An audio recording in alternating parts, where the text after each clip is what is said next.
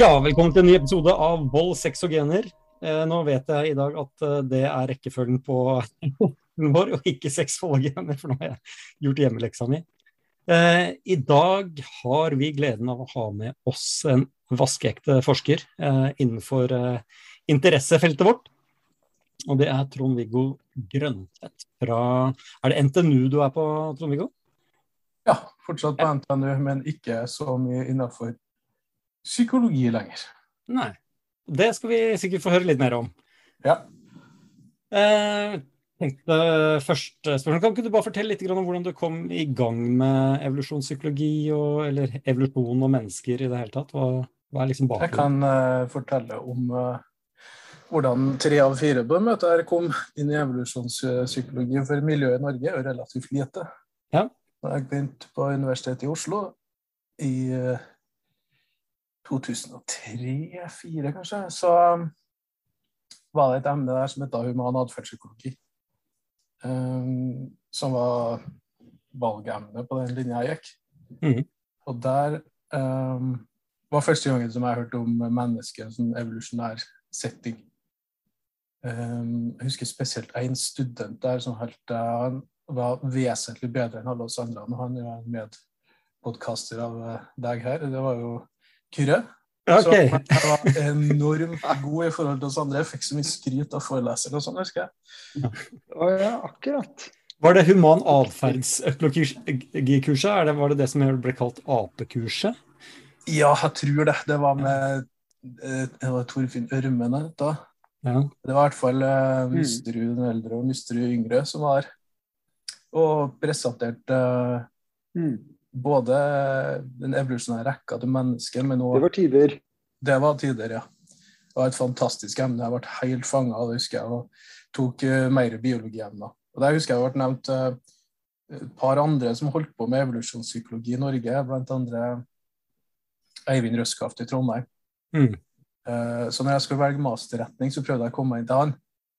Men det gikk sånn greit. Jeg kom meg til Trondheim, men uh, skifta veileder litt halvveis og skrev masteroppgaven min på persepsjon av attraktivitet og endring i partnerstrategi, kanskje. Vi kan kalle det.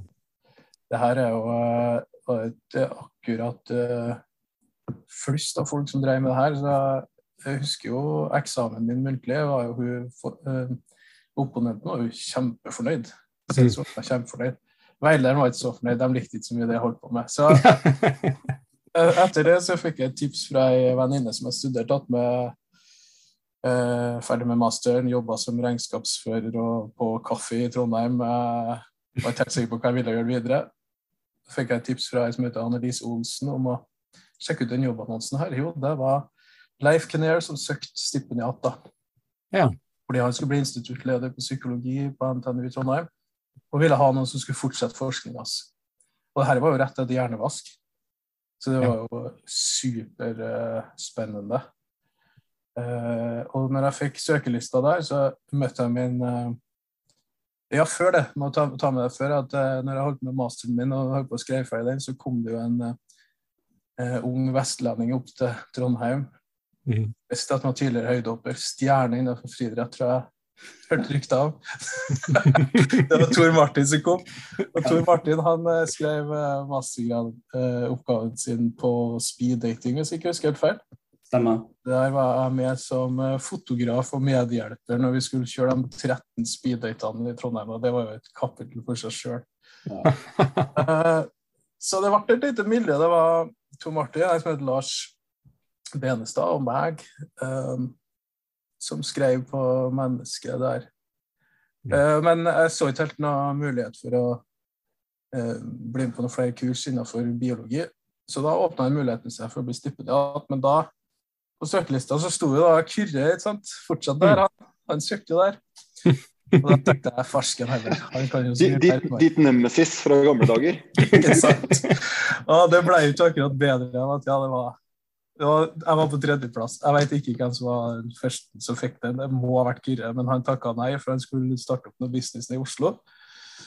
Tror jeg. Det må bare korrigere meg så jeg tar feil, Kyrre, men dette er sånn som jeg hører. Ja, det var noe sånt. Ja. Det var noe sånt. Og så var det en til, og han holdt ut i elleve dager med Leif. uh, Og da ble jeg sendt en tekstmelding på en torsdagskveld, tror jeg, der jeg var som kafévert da gjør. Satt og tok meg en pils etter jobb og bare slappa av. Eh, vil du komme på jobbintervju i morgen? Jeg dro på dit og møtte deg. Litt mindre hår enn jeg hadde sett på hjernevask. og eh, klaffa vel ganske bra med en gang. Han var i beit for at noen skulle fortsette jobben han holdt med, og var interessert i å liksom eh, fortsette med evolusjonær tilnærming. da. Mm. Og der uh, var vi vel starta i 2010 eller noe sånt, tror jeg. Ja. Altså, vi, er, vi er jo en liten gjeng som har liksom truffet på hverandre i ulike sammenhenger og, og sånn sirkla litt rundt hverandre. Ja Eh, da. det Og det sånn det er. Kyrre har jeg møtt på eh, konferanse i tillegg, og deg har jeg jo sett uttalt deg i media og bare nikka anerkjennende. Jens Andreas. Ja, det er hyggelig. Og så eh, tok jeg for deg doktorgraden, ja. Mm. Eh, tok jo litt lengre tid enn eh, det som var planen. Eh, fikk meg en jobb på helseundersøkelse i Nord-Trøndelag, der jeg fortsatt er. Men eh, tok også en postdok da på instituttet på psykologi, som jeg avslutta i mai her. Mm. Så en av de siste tingene jeg gjorde, var da eh, Foreløpig, i hvert fall, det var den eh, boka som vi har gitt ut nå. Ja, Den skal vi snakke mer om, men jeg syns det er litt sånn poeng eh, for lytterne våre å bare understreke hvor få det er som driver med dette sånn ordentlig. Altså, hvor mange forskere i Norge jobber med mennesker fra et evolusjonært perspektiv, altså som aktivt, da. Ikke bare sånn du er lege og dermed så på en måte så har du et forhold til det, men sånn OK, dette Ja. er revolusjonsteori, dermed så har vi disse hypotesene her. Det er vel litt mange andre enn den gruppa i Trondheim, tror jeg, som egentlig, men det kommer jo små drypp av og til fra ei gruppe i Bergen. Ståle Pallesen, tror jeg. Som er Han er nå i hvert fall den som står sist på artiklene, så jeg regner med litt det fra den gruppa. Eh, vi har en som heter Thomas Kleppestø, som er tror jeg, jeg, jeg, helt, jeg tror kanskje han er eh, ferdig med stipendiatperioden sin nå og fått seg jobb på Folkehelseinstituttet, men det er jeg litt usikker på. Men han har i hvert fall skrevet på tvillingstudier og sånne ting. Mer sånn atferdsgenetisk perspektiv. Han har jeg møtt på konferanse et par ganger også. Og, og så er det noen i Danmark, husker jeg. Vi møtte en eh, Michael Bank-Pedersen.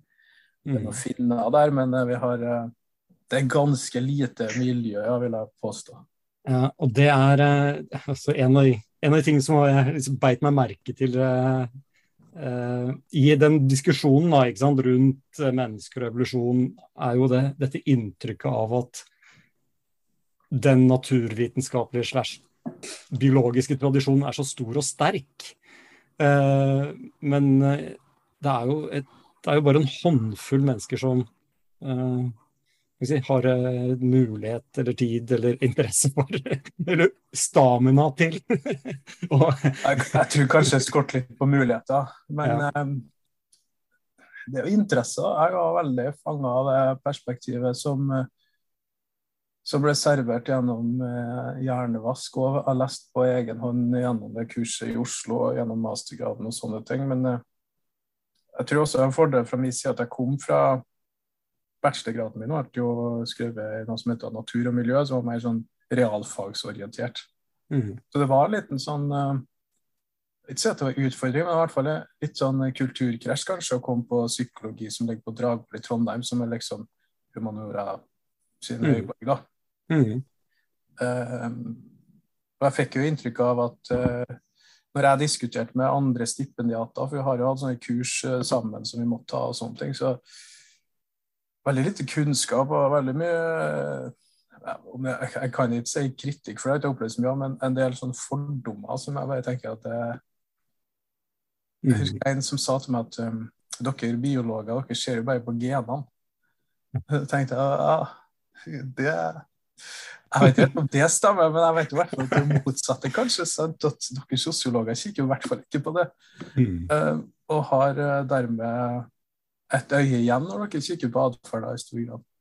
Og jeg tror det altså det er helt, mange, Mye av det kritikken kommer mot evolusjonspsykologi, er helt legitim, men mye av det som er litt sånn Ikke ovenfra og ned-holdning, kanskje, men sånn Ja, det blir sett litt sånn uh, annerledes på. Og mm. vi hjelper jo ikke akkurat på det, vi heller, da, når vi skriver bok om evolusjonspsykologi. Og hva er det? Seks eller sju kapittel handler om sex. Ja, ikke sant. Det er noe i det.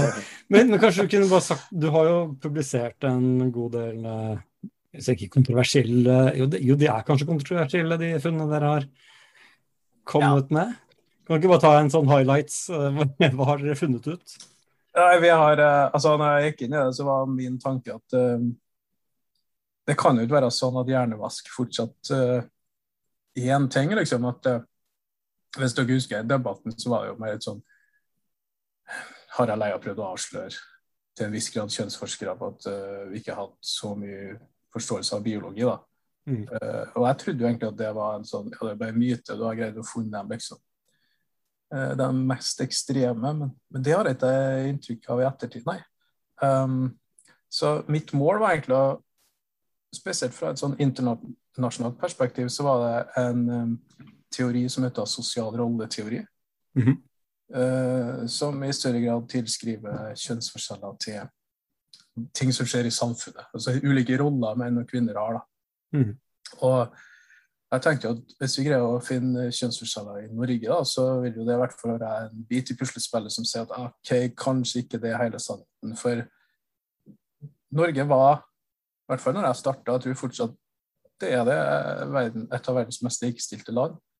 Um, har vært det over lang tid, som også var et argument fra dem som sto bak den sosiale rolleteorien, at uh, endringene skjer litt kjappere pga. Kulturelle påvirkninger. Mm. Um, og basert det på sånn eh, likestillingsskala fra FN og diverse. Og Der var jo Norge på topp, så jeg tenkte ok, hvis det her stemmer, så bør det jo være sånn at menn og kvinner er ganske like i Norge. Mm. I hvert fall sammenlignet med andre land? Sammenlignet med andre land, og sammenlignet med tidligere funn. fordi hvis kulturen blir mer og mer likestilt, så så burde det ha vært sånn at de funnene som David Buss presenterte i 1989, som er liksom den hovedartikkelen med preferanser, som først liksom, som tok for seg internasjonalt mm. eh, kjønnsforskjeller i spesielt alderspreferanser, preferanser for fysisk attraktivitet og kjønnsforskjeller i preferanser for status og eh, mm. ressurser, som dere har snakka om flere ganger.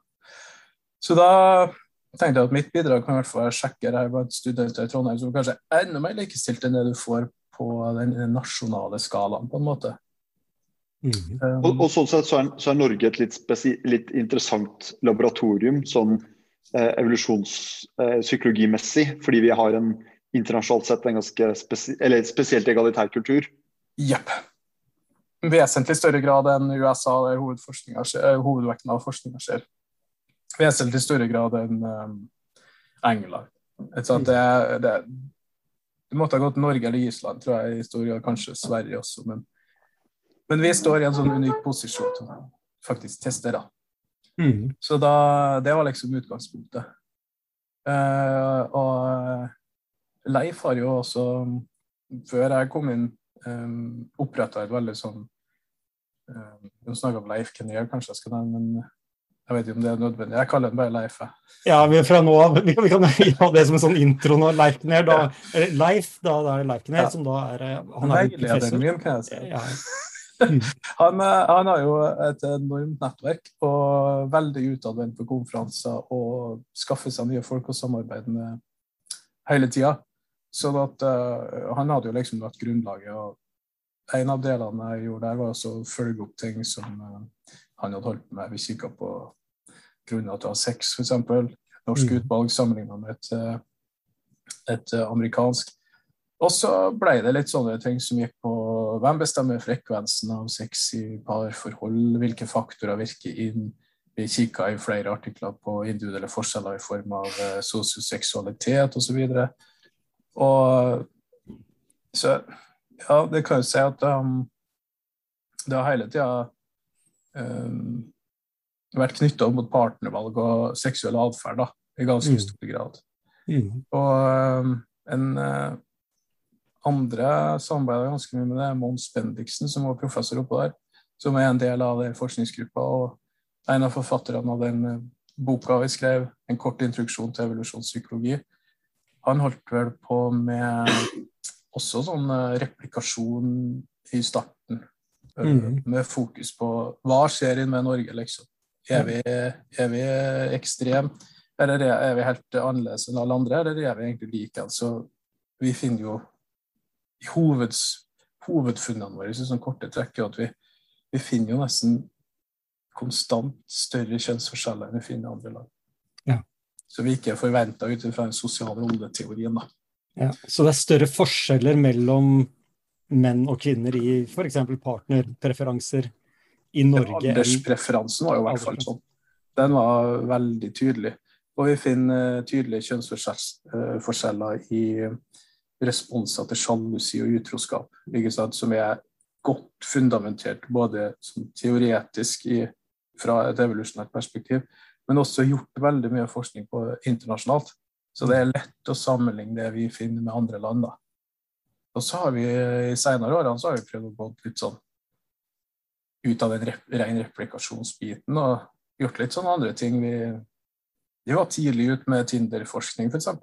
Mm. Um, vi har en uh, stipendiat nå i gruppa som heter for Andrea Kessler, som er strålende eh, bidrag med kikke på hvordan uh, seksuell eh, ulik type atferd blir oppfatta som seksuell trakassering eller ikke.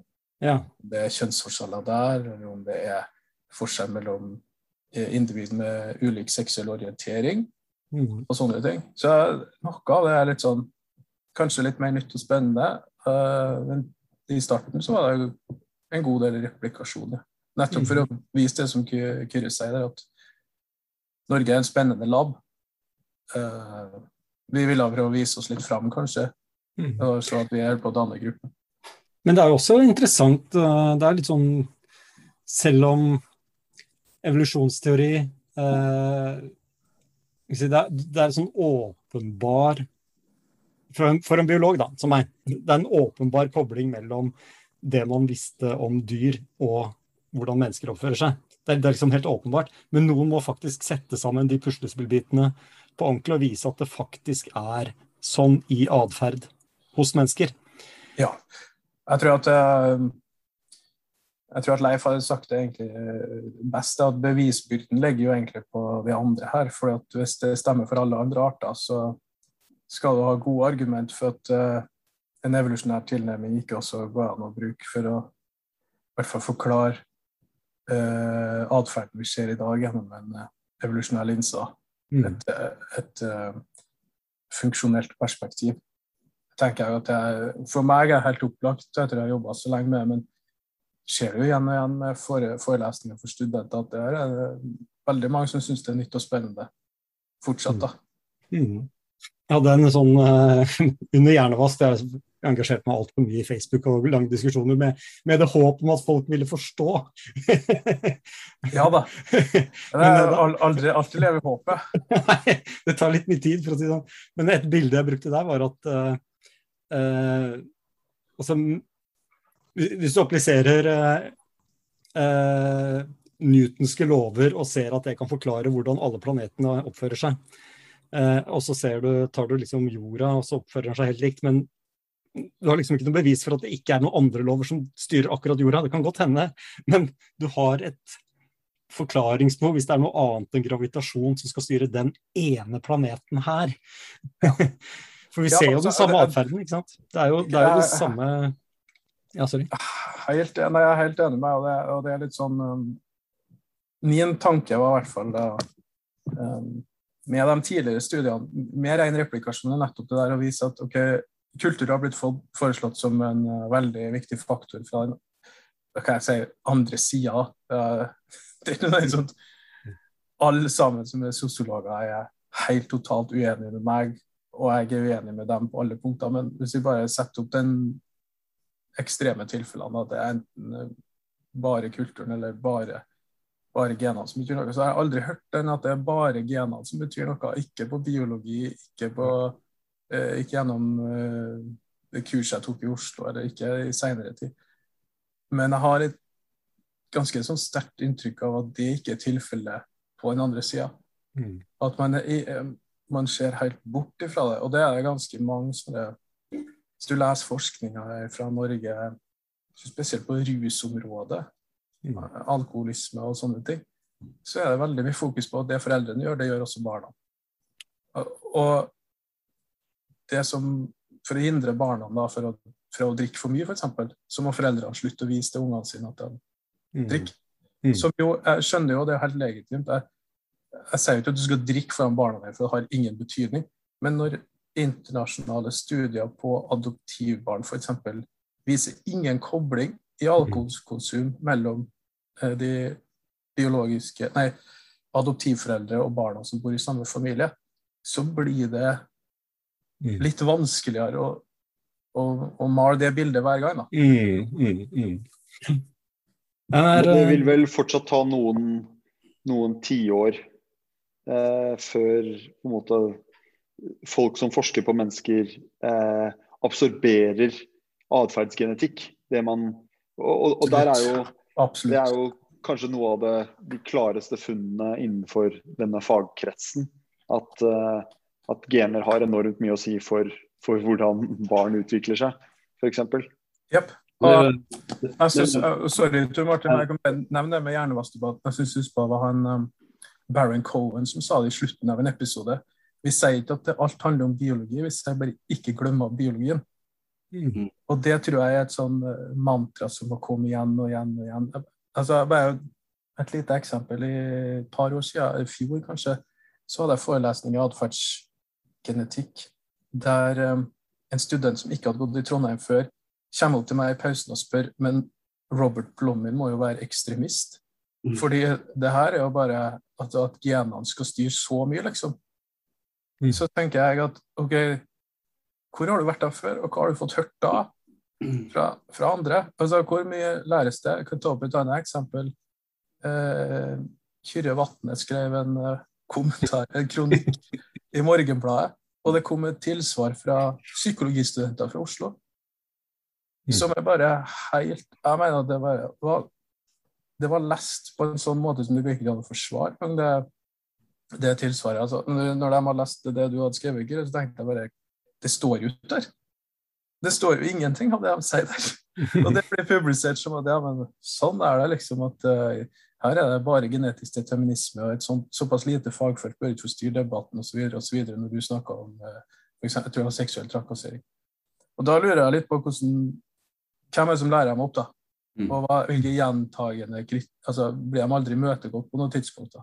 Så jeg mm. håper jo at uh, denne boka kan være med en sånn liten uh, puff fra den andre sida, at studenter i stor grad er målgruppa, liksom. Ja, er, men da er vi inne på noe veldig interessant, fordi vi har snakket ganske mye om før da, dårlig kritikk av evolusjonspsykologi. Eller dårlig kritikk av en evolusjonær tilnærming til mennesker. Ja. Eh, det er ganske vanlig, og det er, regner med dere liksom har hatt noen sånne i bakhodet. Dette her skal vi i hvert fall forklare. Vi har et eget kapittel om det. Altså, Jeg må bare si først at jeg opplever ikke um, Jeg kan ikke si noe om kritikk mot andre temaer innenfor psykologi, eller andre retninger innenfor psykologi. Uh, men jeg, og jeg har ikke opplevd veldig mye kritikk sjøl, men det skal nevnes at jeg ikke er verdens beste til å si ja til å bli med på debatter eller sånne ting. Fordi, du er med her, da. ja, men her er liksom, her jeg føler jeg at jeg er litt blant folkets ende. Men jeg syns det er litt sånn ubehagelig å bare stå her og En ting er at man kan forberede seg, men um, vi, har, uh, vi har en professor som bruker å ta den, den jobben i Leif. Men de, de gangene jeg har vært på sånne uh, samlinger, f.eks., så er det, er det, mye av det samme. Ja. Og det er mye av det som er imøtegått flere ganger. Mm. Og vi prøver å gi en lite sånn innblikk i det her. Men jeg må også si at studenter som vi har, som får høre mer her for første gang, kanskje, de er superinteressert. Da merker jeg mye mer sånn søken etter å ikke sette oss fast, men liksom stille mer kritiske spørsmål til, til, det og det og det. For de har jo hatt andre emner som har fortalt dem at dette er sannheten og veien osv. Og, så og så kommer vi med et litt annet perspektiv. Men det, men det er jo noen, noen kritikere som gir gjentagende. I hvert fall alle, alle de debattene jeg har vært på, så har det vært at uh, evolusjonspsykologer har et uh, ensidig fokus nesten på Vi er nesten besatt av kjønnsforskjeller. Mm. Det er det som kommer opp. Og da bruker jeg jo ganske lang tid på forelesningene mine til å forklare eh, hva ligger i begrepet statistisk signifikant forskjell. Mm. Hvis det er signifikant forskjell i høyde, så betyr jo ikke det at eh, jeg aldri har møtt en kvinne som ikke er høyere enn meg. Mm. Men det er jo det nesten det høres ut som når, når man Mm. diskuterer det med andre. Mm. Så, så jeg har litt sånn eh, Jeg tenker at det er kanskje opplysninga det er noe feil med at vi liksom ikke har fått det gjennom godt nok. Ja, menn tenker til en viss grad, gitt at ting er likt mellom kjønnene, mer på dette enn dette når de velger partner. Det Mm. betyr ikke at alle gjør det, det betyr ikke at de gjør det hele tida. Og vi har med et perspektiv til, nemlig hvilken kontekst vi er i, og sånne ting. Mm. Men det faller liksom litt bort da i den derre I hvert fall når det skal presenteres i media. Det betyr i og det betyr i hvert fall ikke at, man, at menn må gjøre det. Nei, Det at var det er riktig. veldig, veldig eh, viktig for meg å påpeke at vi har ingen Jeg tror jeg aldri har lest en evolusjonær artikkel som sier at og sånn bør det være. Og sånn, og sånn bør det fortsette å være. Jeg tenker jo heller at eh, Kanskje spesielt med det vi har holdt på med siste, siste tida her med seksuell trakassering, så er jo vi er jo ute etter å prøve å forstå et fenomen. Eh, Hva er det som fører til at folk seksuelt trakasserer, eller både at man trakasserer sjøl, eller at man blir seksuelt trakassert. Mm. Og da er jo vesentlig for å forstå fenomenet for å kunne gjøre noe med det i ettertid. Det går ikke an å si at OK, eh, vi, vi setter inn eh, regler og tiltak som gjelder på alle sammen, når det ikke gjelder alle sammen, når Mm. eh, veldig mange ikke kjenner seg igjen i problemstillinga. Mm. Har, Så hvis du, hvis du stiller feil diagnose, så finner du ikke riktig medisin. Nei, ikke sant. Og jeg syns at det der er vi, vi blir ikke møtt av det veldig ofte. I hvert fall ikke jeg mer enn at uh, vi legger en annen å for moral til det. Men det, det er ganske sånn Blir ofte tillagt oss, på en måte. Mm. Uh, og nå sitter vi jo fire hvite menn i 40-30-årene her og, og diskuterer her. og Diversitet er en annen ting, men det at det kommer fra Gruppa vår besto jo inntil nylig hvis man skrevet boka, jo menn, ikke sant? og så sier vi noe om ja, kvinner gjør sånn. Så jeg får jo også den slengt i fjesen og ja, ja, det vet du mye om, liksom. Mm. Men det, det er jo ikke jeg som har skrevet Jeg har skrevet kanskje spørreskjema, men det er jo ikke jeg som opplyser hva, som, hva de besvarer med. Mm. Altså, det, det, det har ingenting å si for meg hva folk svarer. Men jeg svarer noe i bestemte retninger hver gang. Og da tenker jeg at det er litt vesentlig å få fram. Da. Mm. Ja. Men eh, Ja, ikke sant. Eh, Og, og det er jo eh, Jeg tenker jo at det har jo vært eh, Det er jo mye sånn kritikk som du, som du nevner, eh, Trond-Viggo, som er på en måte veldig sånn gamle gjengangere, da, og som på en måte er litt I hvert fall for, for folk som følger, er litt orientert innenfor dette faget, så er, kan det jo bli litt kjedsommelig eh, etter hvert. Um, fordi den, den ofte er litt sånn slagordbasert, sånn som det der med genetisk determinisme og sånn. Og jeg syns du sa det veldig godt at liksom det, det, er, det er vel eh, man, man Følelsen innenfor dette faget har jo vært at eh, det er på ingen måte sånn at gener og biologi forklarer 100% men, Mm. men det, er, det er mer enn null. Det er, ikke sant? Så, så det, er, det, er ikke, det er ikke 100-0 til kultur. Nei, jeg er Eh, helt enig med oss. Et annet punkt akkurat der med, med kultur og gener at, at Nå sier jeg jo bare hva vi har på å forske på i, i Trondheim, da, som er en kultur. ikke sant? Vi har sett på studentpopulasjonen i Norge og tilskriver egentlig det. ok, sånn er nordmenn. på en måte. OK, det er en grov forenkling, det skjønner vi. Eh, men både Leif Kinnair og Mons Bendiksen har jo vært med på internasjonale studier som går over veldig mange forskjellige land, der Norge er en liten brikke over her. Og der det også er undersøkt um, kulturell variasjon.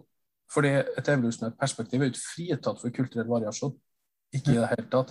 Vi har uh, en del teorier som vi går gjennom i boka. Så, um, jeg, jeg bruker de engelske begrepene, for de er mest kjent med, men de er oversatt der. Altså, men parasitthypotesen, tror jeg vi kaller det på norsk. Parasitic load-hypotesen om at forskjeller mellom ulike kulturer kan tilskrives uh, hvor stor grad av patogenene er innenfor Mm. ulike klima. Da. Det er én ting som er kulturelt påvirka. Og så har vi dette med eh, operativ kjønnsratio, om det finnes flere kvinner i populasjonen enn menn. Så det er flere tilfeller som vi oss, i mye bedre grad enn jeg greier å forklare her, skrevet om, og hvor vi tar høyde for en del av kulturelle påvirkninger. Og det er jo, som du sa i sted, du har jo sett på kjønns- eller partnerpreferanser eh, mm. og partnerpsykologi. Og så finner man jo eh, effekten av at Norge er et, en ganske likestilt kultur, da. Ja. Det, det, så det er jo en kulturell variasjon som dere selv da har, eller som dere har avdekket.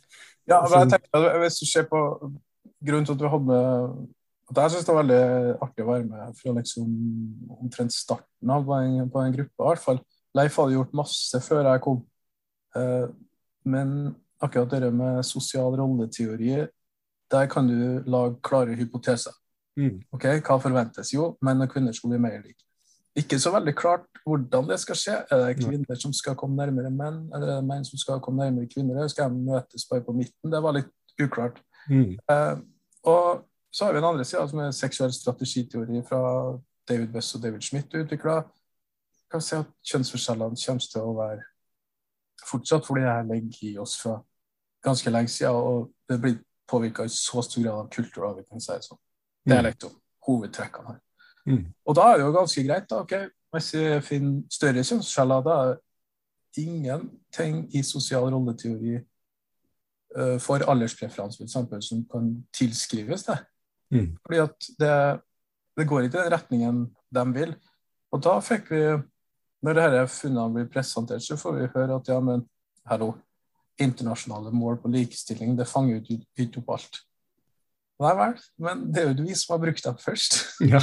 det er jo den andre sida som har argumentert for dette. her. Mm. Så det, det, får, mm, det er greit nok med kritikk, og helt, det er helt legitimt.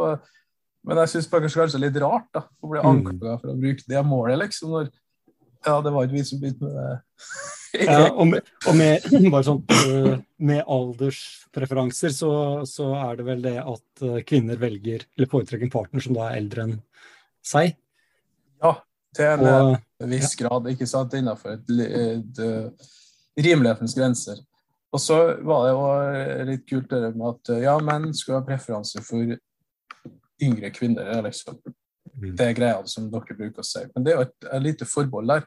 Fordi at eh, hypotesen til David Buss var jo mer at de skulle trekkes mot uh, kvinner i mest reproduktiv alder, altså mm. rundt 21 år. Og det vi også fant, var jo at de 17-18-19-åringene vi hadde i utvalget, mm. de menn ønska seg litt eldre partner. Mm. Og så når de tippa over det punktet, så var det progressivt yngre partner i forhold til seg sjøl. Mm. Så det stemte jo altså nesten helt sånn Helt i tråd med den, det som er mm. funnet tidligere, og helt i tråd med den hypotesen. Så det er Ja. Altså, ja. Tenkte, altså, det, det, er ganske logisk her at så mer egalitært eller fritt samfunnet er, så kan du ta valg ut ifra egne preferanser.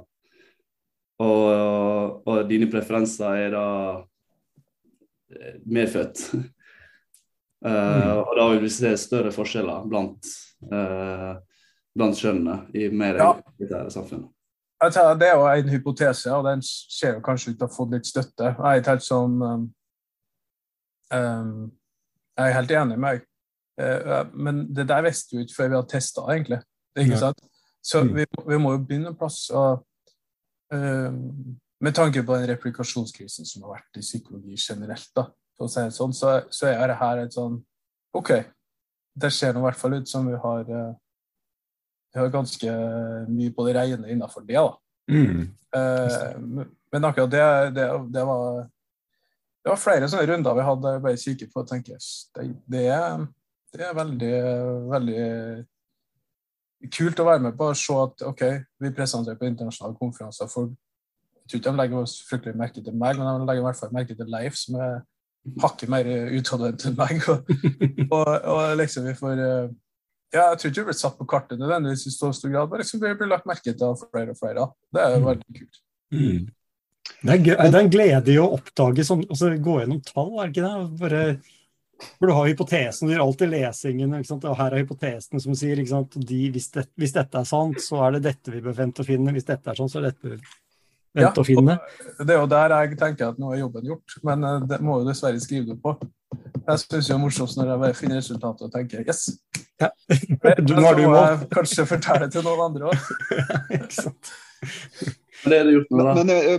bare Ja, prøve. Altså, Plugge boken din. Ja. okay. Greit. Uh, skal vi se, Jeg har litt problemer med lyden her, ja. men um, Nei, jeg bare um, Jeg tenker jo at sånn som mitt, mitt, bilde på en måte litt av uh, når, man, når man, den, man, sammenligner på en måte de ulike vitenskapenes bidrag til å forstå menneskelig atferd, så tenker jeg at i utgangspunktet så er det veldig mye menneskelig atferd som er helt uforklarlig. Fordi det er så mye støy, uh, og, det er så mye, og, og det er så mye påvirkning fra kultur. Så det er så mm. mye Det er, det er, det er en veldig sånn um, lav uh, signal to noise ratio generelt, da, tenker jeg.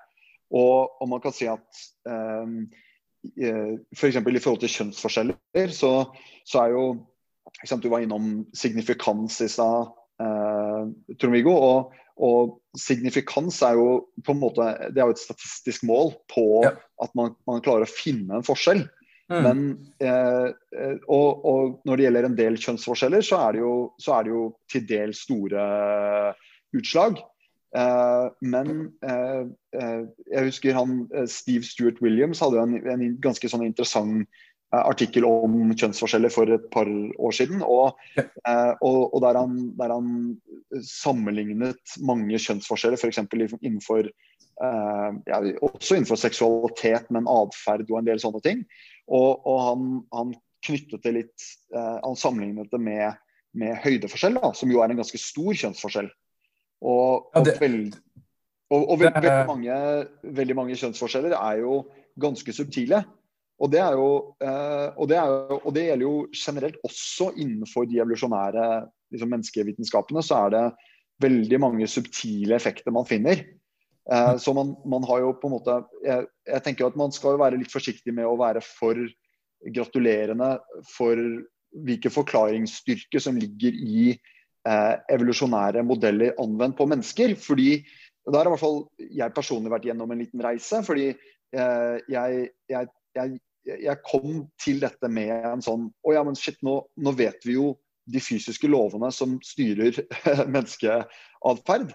Men, eh, men, det er jo en dårlig analogi til fysikkens verden, på en måte.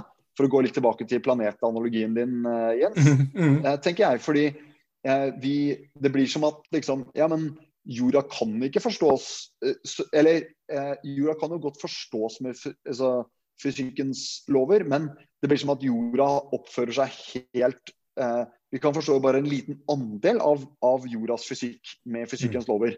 Mm -hmm. og og den, den, den prosenten varierer jo eh, avhengig av hva feltet er, da, selvfølgelig. Og, og mange, av de, mange, av de, store Hvis man tar f.eks. kjønnsforskjeller innenfor seksualitet, da, så er jo de er jo ganske robuste, og de er ofte de samme fra kultur til kultur. Det er jo ganske sånn slående mønster, og man må være ganske, nesten litt villet blind for å ikke, for ikke eh, se at her er det Her, her trumfer biologien ofte kultur. da. Men, eh, men, eh, men, selv på det feltet så er jo faktisk kvinner og menn også ganske like.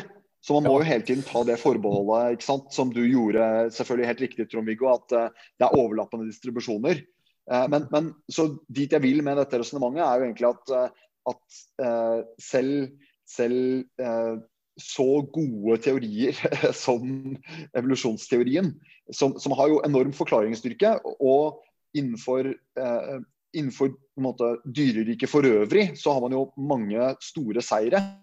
Og på en måte så kan man jo bli litt desillusjonert over hvor vanskelig det er å forske på mennesker. Og hvor, hvor lite som er igjen av måte, disse potente teoriene når man, når man ser dataene. da. Eh, eh, eh så eh, jeg vet ikke om, vet ikke om og, og, der er jo, eh, der er jo liksom sånn som sånn som et tema som, som, vi har vært innom før her, med, med eh, forskning på sant, eh, eggløsning og, og, syklus og sånn. Og, og hvor, hvor, mye det eventuelt kan forklare av eh, kvinners seksuelle preferanser, det, det, det, jo, det, er jo et felt som, som, dere i den forskergruppen deres på NTNU har, vært, eh, har gjort mye, mye, på. Og det er jo noe som eh, har vært gjennom en liten reise hva gjelder Der har det jo vært en del replikasjonstrøbbel, og det har vært en del Det har blitt litt utfordret, da. Så der, er sånn jeg, sånn jeg, ser det feltet. Det kan være interessant å høre din kommentar til det, Trond-Viggo. Sånn... Du, har, eh, du, har, helt rett, Kyrre. Jeg hører det du sier, og det er Du er helt på ballen. og uh, Vi er nok vært i den situasjonen at når vi har undersøkt ting som har um, vært ganske klar, så er vi er jo opptatt En ting er jo det statistisk signifikans en ting men noe helt annet er å si noe om okay, hvor stor er effekten. da. Hvor mm. langt fra hverandre ligger disse overlappende distribusjonene? Og i veldig stor grad, som du sier, med, med um, andre felt innenfor psykologi f.eks., så legger de jo nesten oppå hverandre. Du finner jo en forskjell, du har mange, mange nok, og den er, den er, signifikant. Men betyr den egentlig så veldig mye? Det kan jo være et legitimt spørsmål. Kanskje den betyr mest i ytterpunktene. Så hvis du ser på sånne, Jeg tror den største kjønnsforskjellen er, er kanskje På engelsk heter den 'people things'-aksen. Mm. Ja. Der menn scorer vesentlig høyere på things, og kvinner på, uh, på people. Det kan jo komme til utslag i Du trenger ikke gå inn på Google-dokumentet som kom ut for noen år siden, Memo der, men hvis du bare skal ha tak i det beste av det beste, så kan jo det ha påvirkning. Fordi du har mindre av det ene kjønnet som kanskje har en i større grad uh, interesse og for ting uh, når du skal få tak i folk. da. Så når jeg prøver å forklare til studentene, så er vi liksom ser at det overlapper her, men hva betyr det i ytterpunktene? da? Jo, det betyr kanskje at vi har flere som velger å bli eh, bare rent teoretikk-fysikere som er menn. Betyr at de er bedre enn damer? Nei, ikke nødvendigvis. Og vi finner også eksempel på kvinner som gjør det strålende innenfor det som er mannsdominerte ting. Mm. Men det har noen betydning når vi kommer ut i ytterpunktene, kanskje i stor grad. Heller enn litt på. Og der, Det feltet du snakka om nå, med, med menstruasjonssyklusendringer, altså er det ikke snakk om store endringer, f.eks. De er statistisk signifikante, som er funnet, men de er enorme. Og ja, jeg vet ikke mye jeg skal si om det, for det, kommer stadig nye ting her ikke sant, som oppdages på, fra ulike grupper. og vi eh, Tanken vår Vi skrev en artikkel sammen med Steve Gangestad og Nick Greeby.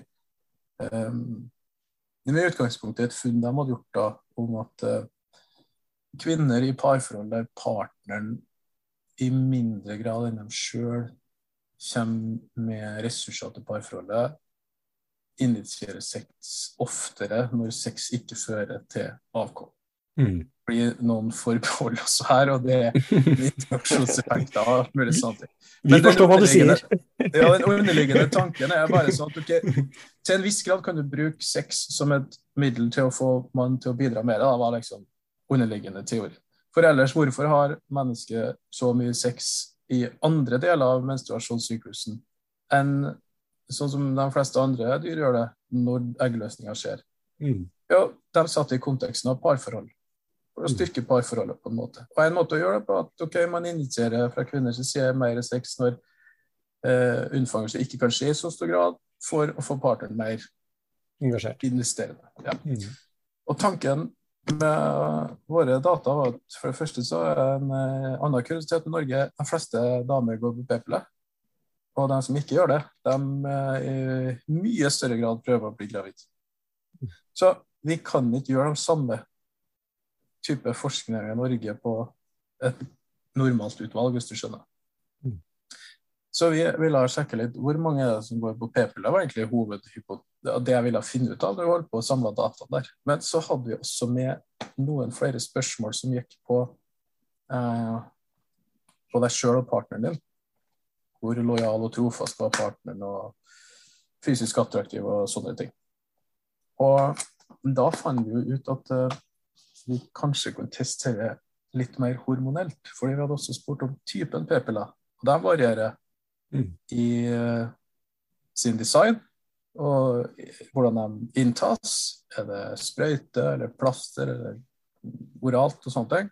Mm. Og så varierer de også i form av hvor mye syntetiske stoffer de har. Syntetisk østrogen, syntetisk progesterin. Så at, mm. og noen av disse pillene ligner mer på det vi ser i menstruasjonssyklusen når det er eggløsning, mens andre ligner mer på den extended sexuality-fasen, som de kalte det. Det som skjer etter eggløsning. For da er det forskjellige hormonelle profiler. Så hvis det er hormonelt styrt, og vi har naturlig, en populasjon som er naturlig eh, gitt syntetiske hormoner, så, mm, så har vi liksom grupper vi kan sammenligne her. Mm. Og det greide vi å, å finne støtte for dem, deres hypotese. Men vi er fullstendig klar over at vi har ikke kjempestore utvalg. Vi er fullstendig klar over at det er ikke nødvendigvis sånn at uh, alle sammen tar p-pillene sine til enhver tid, hele tida. Så den hormonelle um, hva vi skal si, vurderinga vi gjorde, da, det, det tar jo utgangspunkt i at man tar gjennom det man skal gjøre i forhold til pakningsvedlegget. Det trenger ikke å være sant. Det kan være hopp av uh, fordi du ikke har noen fast partner, eller ikke har noen partner i hele tatt. Du opplever f.eks. Uh, bieffekter av å ta det. Uh, og vi visste ikke hvor ja, Vi kunne ha spurt også hvor lenge de har brukt det og sånne ting. Og Eller kunne målt uh, hormonene i blodet. Ikke sant. Som er enklest. Men vi er begrensa av én ting, og det er penger. altså, som alle andre er. Men det var jo det uh, Den tyske gruppa i år var jo i mye større grad det som du sier, Jens Andreas. Uh, som dere snakka om i den podkasten der når dere snakka om menstruasjonssyklusen. Uh, og hvordan det kanskje syner å endre seg. Det kan være enig med at det kan endre seg, for det har kommet en del studier som ikke tyder på at det er mye som står igjen. Kanskje litt mer økt um, jeg vil si libido, de kalte det. eller bare sånn generell økning i seksuell lyst. Mm. Ikke at det var spesielt for man var maskulin, eller om partneren var mer feminin og de søkte mer maskulin osv. Men jeg tror ikke det kan være Etter å ha lest de artiklene jeg har lest, hvert fall, så er det kan ikke være sånn at Det er ingen teori som sier i mitt hode at kvinner skal endre fullstendig preferanser fra, eh, fra du går i eggløsning kontra resten av menstruasjonssyklusen. Det høres veldig lite aktuelt ut. For meg så det gir mening som en hypotese, eller gjorde det ja. fram til vi står der vi er nå, da, på empirien. Men... men... da kaster du jo bort alt det du har bygd opp med en partner over kanskje ja. tid, da. Og da ja. liksom, Vi har jo en seksuell strategiteori, snakker om korttidsforhold og langtidsforhold. ikke sant? Og hvis du har en god partner for langtidsforholdet, ja, det kan jo være gunstig, men er det lurt? Mm. Uh, og er det teoretisk sound, liksom? Det er noe annet. Så vi står nok litt der tror jeg at man må ta kanskje litt mer høyde for um, også kvalitet av en partner som kanskje i mindre grad har vært målt mm. uh, tidligere, f.eks. Men mm. det, absolutt, det er, det er ikke nødvendigvis kjempestore effekter. og Noen argumenterer jo for at ja, men det er jo det vi forventer å finne, å finne noen nullfood, Fordi at effektene er små. Mm. Så det er bare en eh, det er bare en effekt av at vi tester på mange forskjellige måter, og på mange forskjellige populasjoner så vil noen per definisjon komme ut som nullfunn. Mm. Andre, de aller fleste vil komme ut som positive funn i forhold til hva teorien skulle tilsi. Men det er vanskelig, ja. Kan jeg bare følge opp litt på, på den der? fordi det er, litt, det er, det er jo interessant. og det, det er jo altså en, eh, Noe som sikkert mange har fått med seg etter hvert, er, og, er jo det, det som liksom omtales som replikasjonskrisen, hvor, hvor, man har innenfor det startet jo litt innenfor psykologi, spesielt med sånne, innenfor sosialpsykologien med sånne priming-studier. At de, de, fant ut at, eh, at, eh, mange av de studiene som, som, ble tatt for å være veldig godt etablerte studier, de, de viser seg å ikke replikere. og når andre forskere gjentok de samme eksperimentene, så fant de rett og slett ikke resultatene. Og, og det førte til at eh, en, nesten en hel, et helt eh, lite minifagfelt, som var liksom sånne, spesielt sånne priming-studier innenfor, uh, innenfor sosialpsykologien, som gikk på at man kunne fortelle folk eh, plante litt sånn ideer i hodene til folk som fikk til dels store atferdsmessige utslag, De, ja. det, det, det, holder ikke. Men eh, noe som jeg blir litt interessert i når du snakker om det der, eh, Trond-Viggo, er, er, jo liksom sånn som um, um, er, det, er det, det, å, det å forske på en måte du, Din karriere har jo begynt på en måte Eller du, du begynte jo liksom før dette dette med replikasjonskrisen virkelig slo ut i full blomst. Det, har det endret hvordan dere planlegger studier, og hvordan, liksom, eh, hvordan eh, miljøet og, eh, og sånn eh, hva skal man si, har, har, tilpasset seg? Ja, det tror jeg nok absolutt. Og jeg tror, altså, for min del så har det nok ikke endra seg så mye. For jeg hadde jo en sånn nobel idé om at forskning skulle være åpent og fritt. og man skulle være gjennomskubar når man holder på med noe. Og det tror jeg fortsatt gjelder i ganske stor grad. Men det har blitt et ganske mye mer større fokus på preregistrering. Eh, det var workshoper på det på forrige konferanse og på flere journaler. Ikke mer eller mindre kreve det, men i hvert fall si noe om at OK hvis du skal... Jeg, legger, jeg legger, inn en liten forklaring. Ja, du må, jeg tenkte, du må jeg tenkte ja, okay, å gjøre det nå. Yes.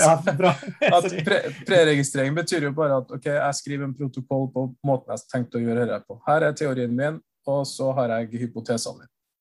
Og de hypotesene skal legges en plass med timestamp som gjør at OK, her, det ble funnet ut da, la oss si i dag. Og så kjører jeg studien min. Jeg har ikke gjort noe før det, jeg har bare skrevet om hva jeg har lyst til å gjøre. Så kjører jeg studien min, og da kan man gå tilbake da, og så ok, hadde du de hypotesene her når du starta?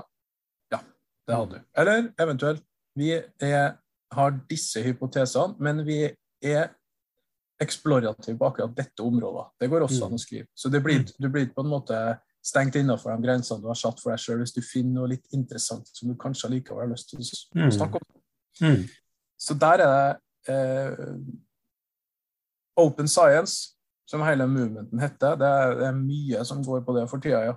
Med at man skal i større grad legge fram sine ting. Jeg tror at jeg har eh, Vi har i veldig stor grad gjort det for oss sjøl. Vi har vært veldig eh, fastsatt på at hypotesene skal komme før vi både begynner med datainnsamlingene, spesielt før vi begynner å se på dataene. altså. Mm. Så det, det, jo, men det, det, var, det, var, vanskelig. Vi prøvde det en gang, og vi syns det er ekstremt krevende. For det er mye man ikke tenker på som man blir satt litt til veggs på når man skal skrive sånne ting. Det her har vi lyst til å gjøre. Og så kaster man seg litt ut i ideen, kanskje. Og så ja, det er dette vi skulle skrive om uansett, så vi skriver det opp. Mens du må tenke ordentlig nøye gjennom ting når du skal skrive preregistrering, da. Ja. Så, det blir enda mer detaljert planlegging, liksom, for du må si ja. nøyaktig hvilke resultater du predikerer at du vil uh, få. Ja, basert på denne teorien så predikerer vi dette, ikke sant. Yes. Da er det er jo sånn, Jeg tenker at mange gjør det sånn fra før uansett, men det, det, var, det er utfordrende, ja, tror jeg. Mm. Og eh, det er nok veldig mange som kaster seg på det og syns at det er veien å gå, fordi de i stor grad har gjort det sånn fra før uansett. Mm. Og så kan det jo hende at noen av de uh, store funnene kommer til å falle etter hvert, det vet du, men det er jo det som er vitenskap. ikke sant? Det er jo ikke noe, det er ikke noe kan jeg si, truth som er stor T. Mm. Altså, alt endrer seg jo med tid, og det kan komme nye og bedre hypoteser, og det kan komme nye og bedre teorier osv. Men det, jeg tror kanskje evolusjonspsykologien har uh, en ganske stor fordel av akkurat det du sa med at okay, sosialpsykologi på en måte falt litt på bakgrunn av det som er gjort før, at teorigrunnlaget er relativt sterkt. Og da mener jeg ikke det er evolusjonsteorien som i seg sjøl, for vi tester jo egentlig ikke den.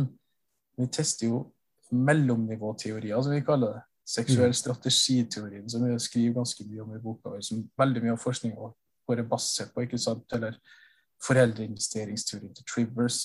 Mm. Eh, vi tester jo også sosial rolleteori fra Eagle og sånne ting. Så, så ingenting slår en god teori, tror jeg, så i boka. Mm. Uh, det er ikke vårt utsagn, det er noen andre som har kommet til, men jeg husker ikke hvem det var. Uh, men, men det, det, hjelper jo på. Mm. Det eh, hjelper deg med å danne gode hypoteser om hva du vil finne, og sette opp eksperimentet. Det gjør det. Og en annen ting på akkurat det at eh, det betyr jo også at vi må regne med å ta feil en gang. For det har vi også gjort, og det er en annen kritikk som har kommet mot evolusjonspsykologi. Du lager jo bare en story ut etter for hva du har funnet. Og det ble jeg faktisk møtt med av en foreleser i et kurs som heter vitenskapshistorie, som jeg hadde som, uh, som stipendiat. Så hadde jeg et kurs som heter gjennom. Og da sa han uh, filosofen som var, som var, leder for kurset, rett ut til meg Å ja, jeg trodde dere evolusjonspsykologer holdt på sånn som økonomer. Dere laga bare dere fant noe, og så skrev dere opp teorien etterpå.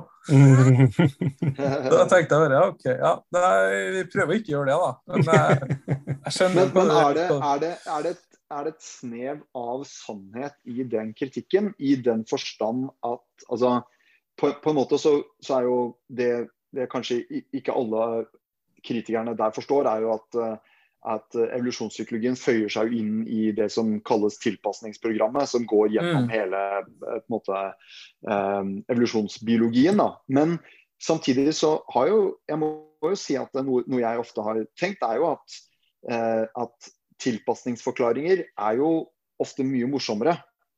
Så enn en biproduktforklaringer eller, eller, andre sånne ikke-funksjonelle forklaringer. da. Ja. Så, så, er det er, har kritikerne et lite poeng i at, eh, at det er en bias mot eh, tilpasningsforklaringer? Eller kanskje. i favør av? Ja, kanskje. Eh, fordi det er et ganske stort fagfelt. Og jeg kan ikke si at jeg er fritatt for den biasen som ligger der uansett, for det, det er ikke jeg. Altså, forskere Vi har jo teorien til grunne, og så er det jo eh, kanskje lettere da å bare OK, her var ikke helt, traff ikke vi helt målet. Mm, har, vi gjort, har, vi gjort, noe feil tidligere, kanskje, som gjør at eh, vi ikke finner akkurat det? da. Det må være noe med oss i stedet for at det er noe med teorien. da. Ja, Må vi eh, redde, teori, redde teorien, gjerne? ja. Kanskje det. Men jeg har jo noen eksempler fra, fra gruppa sin forskning. Eh, det er òg enkelte som hevder at uh, depresjon er adaptiv, f.eks. Eller ikke kanskje depresjon som sådan, men rumineringsgreier. Ja. ja.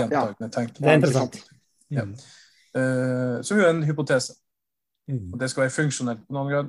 Funksjonelt i den forstand at dersom du gjenskaper tankemønster og tenker på det igjen Nå er her, Husk på at jeg ikke er psykolog, så ikke ta meg for noe jeg sier her. Det er igjen en god grunn til å invitere Leif til podkasten deres. Men uh, tankemøtet gjentas, fordi da kan du funksjonelle funksjonell forklaringa at du kan tenke deg ut av problemet. Mm. Ok, hypotese. Da spørs det da om de som sliter med depresjon, i stor grad greier å komme seg ut av det på egen hånd.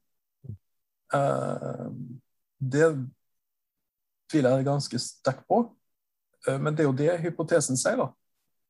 Jeg kan tenke på flere andre adaptive hypoteser på Ja, men da tenker jeg på akkurat den her, da, som er foreslått, som har skrevet en del om. Og der er jo, da er jo sånn at uh, hele behandling av den som er deprimert, da, burde jo ikke blitt tillatt, da, for de kan ha tenkt seg ut av det sjøl mm. og blitt frisk på egen hånd. Og det du gjør ved å stoppe sånne type rumineringsatferd som du kanskje gjør i behandling, mm. hindrer dem da å bli frisk. Så det har jo store konsekvenser. Men det er jo sånne ting som jeg tenker at det, det er en adaptiv hypotese. Men om det er adaptivt, eh, det vil jo dataen vise. Og jeg vil jo heller ganske Det der er et, eh, et, tema som vi nesten må ha en helt egen episode om, for det er utrolig interessant. Og, og hvor interessant det er, da. Så Men jeg kan ta et annet eksempel der vi faktisk ja. knytter opp mot det vi har skrevet om. da, for det der er jo sånn litt mer sånn eh, evolusjonær psykopatologi som Leif er mye, mye bedre på enn eh, en noen andre som uh, jeg har hørt om, i hvert fall. Men eh, vi tenkte jo at uh, følelser skal være adaptive. Mm. Ikke sant? det skal være en funksjon. altså Du skal kanskje vise det venner eller, eller motstandere eller hva som helst at dette betyr noe for meg. F.eks. Mm. siden aggresjon retta mot bestemte folk. Da bør det back down. ikke sant? Og, og, vise sorg og sånne ting tyder på at du kanskje vil få søke støtte fra gruppa osv. Og vi kikka spesifikt på det på, på en artikkel vi skrev om eh, anger ved one night stands. Mm. Så der er det noe som heter for um, anger for at du har hatt det, og anger for at du ikke hadde når du hadde muligheten. Kan det tenkes at det er en liten kjønnsforskjell her? Bare sånn Vi slo inn åpne dører med akkurat den, Kyrre, men det er helt riktig. det. Eh, og du kan jo gjette hvordan vei det gikk, men det, det, er akkurat det vi fant. ikke sant? Så tenker vi at ok, hvis menn da angrer seg i mye større grad på at de ikke hadde, mm. da vil vi jo forvente at den angeren funksjonelt vil føre til at mm. disse neste gang muligheten byr seg, i større grad slår til på tilbudet. Mm.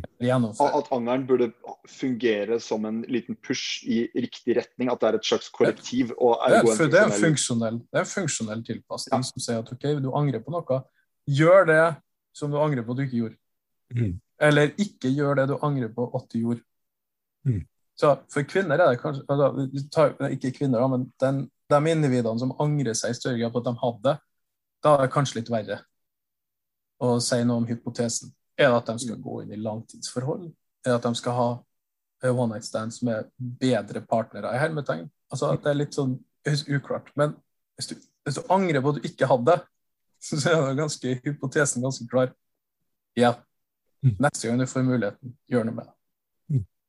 Det fant vi ikke. Nei. Nei. Vi nesten, jeg, jeg husker ikke helt akkurat hva, hva tallene sier, men jeg jeg tror det var sånn at de som angra seg mest, eh, hadde i mindre grad Angra seg mest på at de ikke hadde one night stands, angra seg like mye neste gang og heller ikke hadde. Ja, ok. Så, så, så, det går, an, å, går fint an å teste det her. Det er ikke mm. sånn at de ikke er testbare. Og det, det finnes veldig mange smartere folk som har skrevet om dette her enn jeg. Hvis det lytterne deres er interessert, så er det en knallgod artikkel fra 2000 som heter 'Are Evolutionary Explanations Unfalsifiable?'